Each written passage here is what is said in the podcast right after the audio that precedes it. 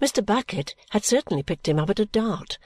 However, soon as he could be heard through Mr. Smallweed's coughing and his vicious ejaculations of "Oh, my bones! Oh, dear, I've no breath in me body! I'm worse than that chattering, clattering, brimstone pig at home!" Mr. Bucket proceeded in the same convivial manner as before. "So, as I happen to be in the habit of coming about your premises, you take me into your confidence, don't you?" I think it would be impossible to make an admission with more ill will and a worse grace than Mr. Smallweed displayed when he admitted this, rendering it perfectly evident that Mr. Bucket was the very last person he would have thought of taking into his confidence if he could by any possibility have kept him out of it. "And I go into the business with you. Very pleasant we are over it and I confirm you in your well-founded fears that you will get yourself into a most precious line if you don't come out with that there will," said Mr. Bucket emphatically. "And accordingly you arrange with me that it shall be delivered up to this present Mr. Jarndyce on no conditions. If it should prove to be valuable, you trust in yourself to him for your reward. That's about where it is, ain't it?" That's what was agreed." Mr. Smallweed assented with the same bad grace. "In consequence of which," said Mr. Bucket, dismissing his agreeable manner all at once and becoming strictly business-like, "you've got that will upon your person at the present time, and the only thing that remains for you to do is just to out with it." Having given us one glance out of the watching corner of his eye and having given his nose one triumphant rub with his forefinger, Mr. Bucket stood with his eyes fastened on his confidential friend and his hand stretched forth ready to take the paper and present it to my guardian. It was not produced without much reluctance and many declarations on the part of Mr. Smallweed that he was a poor, industrious man and that he left it to Mr. Jarndyce's honour not to let him lose by his honesty. Little by little he very slowly took from a breast pocket a stained, discoloured paper which was much singed upon the outside and a little burnt at the edges, as if it had long ago been thrown upon a fire and hastily snatched off again. Mr. Bucket lost no time in transferring his paper, with the dexterity of a conjurer, from Mr. Smallweed to Mr. Jarndyce. As he gave it to my guardian, he whispered behind his fingers hadn't settled how to make their market of it, quarrelled and hinted about it. I laid out twenty pound upon it. First the avaricious grandchildren split upon him on account of their objections to his living so unreasonably long, and then they split on one another. Lord, there ain't one of the family that wouldn't sell the other for a pound or two, except the old lady, and she's only out of it because she's too weak in her mind to drive a bargain. Mr. Bucket, said my guardian aloud, whatever the worth of this paper may be to any one, my obligations are great to you, and if it be of any worth, I hold myself bound to see Mr. Smallweed remunerated accordingly. Not according to your merits, you know, said Mr. Bucket in friendly explanation to Mr. Smallweed. Don't you be afraid of that. According to its value. That is what I mean," said my guardian. "You may observe, Mr. Bucket, that I abstain from examining this paper myself. The plain truth is, I have forsworn and abjured the whole business these many years, and my soul is sick of it. But Miss Summerson and I will immediately place the paper in the hands of my solicitor in the cause and its existence shall be made known without delay to all other parties interested. Mr. Jarndyce can't say fairer than that, you understand, observed Mr. Bucket to his fellow visitor. And it being now made clear to you that nobody is going to be wronged, which must be a great relief to your mind, we may proceed with the ceremony of chairing you home again. He unbolted the door, called in the bearers, wished us good morning, and with a look full of meaning and a crook of his finger at parting, went his way. We went our way too, which was to Lincoln's Inn as quickly as possible. Mr. Kenge was disengaged, and we found him at his table in his dusty room with the inexpressive looking books and the piles of papers. Chairs having been placed for us by Mr. Guppy, Mr. Kenge expressed the surprise and gratification he felt at the unusual sight of Mr. Jarndyce in his office. He turned over his double eye glass as he spoke and was more Conversation Kenge than ever. "I hope," said Mr. Kenge, "that the genial influence of Miss Summerson," he bowed to me, "may have induced Mr. Jarndyce," he bowed to him, "to forego some little of his animosity towards a cause and towards a court which are, shall I say, which take their place in the stately vista of the pillars of our profession?" "I am inclined to think," returned my guardian, "that Miss Summerson has seen too much of the effects of the court and the cause to exert any influence in their favour. Nevertheless, they are a part of the occasion of my being here, Mr. Kenge. Before I lay this paper on your desk and have done with it, let me tell you how it has come into my hands." He did so, shortly and distinctly.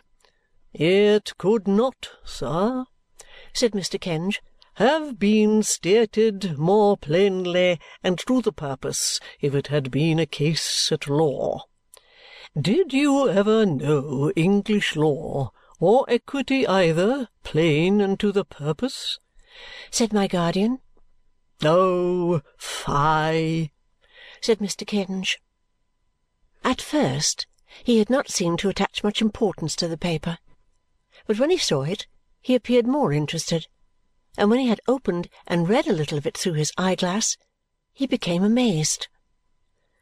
"Mr. Jarndyce," he said, looking off it, "you have perused this?" "Not I," returned my guardian. "But, my dear sir," said Mr. Kenge, "it is a will of later date than any in the suit. It appears to be all in the testator's handwriting. It is duly executed and attested, and even if intended to be cancelled, as might possibly be supposed to be denoted by these marks of fire, it is not cancelled. Here it is, a perfect instrument." "Well," said my guardian, "what is that to me? Mr. Guppy!" cried Mr. Kenge, raising his voice. "I beg your pardon, Mr. Jarndyce." "Sir?" "Mr. Vholes of Symond's Inn. My compliments. Jarndyce and Jarndyce. Glad to speak with him." Mr. Guppy disappeared.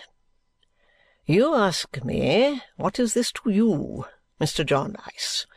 If you had perused this document you would have seen that it reduces your interest considerably. Though still leaving it a very handsome one, still leaving it a very handsome one," said Mr. Kenge, waving his hand persuasively and blandly. "You would further have seen that the interests of Mr. Richard Carstone and of Miss Ada Clare, now Mrs. Richard Carstone, are very materially advanced by it. Kenge said my guardian, "if all the flourishing wealth that the suit brought into this vile court of Chancery could fall to my two young cousins, I should be well contented. But do you ask me to believe that any good is to come of Jarndyce and Jarndyce? "Oh, really, Mr. Jarndyce! Prejudice, prejudice! My dear sir, this is a very great country, a very great country. Its system of equity is a very great system, a very great system. Really, really!" My guardian said no more, and Mr. Vholes arrived. He was modestly impressed by Mr. Kenge's professional eminence. How do you do, Mr. Vholes? Will you be so good as to take a chair here by me and look over this paper?" Mr. Vholes did as he was asked and seemed to read it every word. He was not excited by it, but he was not excited by anything. When he had well examined it, he retired with Mr. Kenge into a window and shading his mouth with his black glove, spoke to him at some length. I was not surprised to observe Mr. Kenge inclined to dispute what he said before he had said much, for I knew that no two people ever did agree about anything in Jarndyce and Jarndyce. But he seemed to get the better of Mr. Kenge too in a conversation that sounded as if it were almost composed of the words receiver general, accountant general, report, estate, and costs. When they had finished, they came back to Mr. Kenge's table and spoke aloud. "Well, that this is a very remarkable document, Mr. Vholes," said Mr. Kenge. Mr. Vholes said, "Very much so." "And a very important document, Mr. Vholes," said Mr. Kenge. Again Mr. Vholes said, "Very much so." "And as you say, Mr. Vholes, when the cause is in the paper next term this document will be an unexpected and interesting feature in it," said Mr. Kenge, looking loftily at my guardian. Mr. Vholes was gratified, as a smaller practitioner striving to keep respectable, to be confirmed in any opinion of his own by such an authority. "And when," asked my guardian, rising after a pause during which Mr. Kenge had rattled his money and Mr. Vholes had picked his pimples, when is next term? Next term, Mr. Jarndyce, will be next month, said Mr. Kenge. Of course we shall at once proceed to do what is necessary with this document and to collect the necessary evidence concerning it, and of course you will receive our usual notification of the cause being in the paper to which I shall pay, of course, my usual attention. Still bent, my dear sir," said Mr. Kenge, showing us through the outer office to the door, "still bent, even with your enlarged mind, on echoing a popular prejudice? We are a prosperous community, Mr. Jarndyce, a very prosperous community. We are a great country, Mr. Jarndyce. We are a very great country. This is a great system, Mr. Jarndyce, and would you wish a great country to have a little system? Now, really, really!" He said this at the stair head gently moving his right hand as if it were a silver trowel with which to spread the cement of his words on the structure of the system and consolidate it for a thousand ages.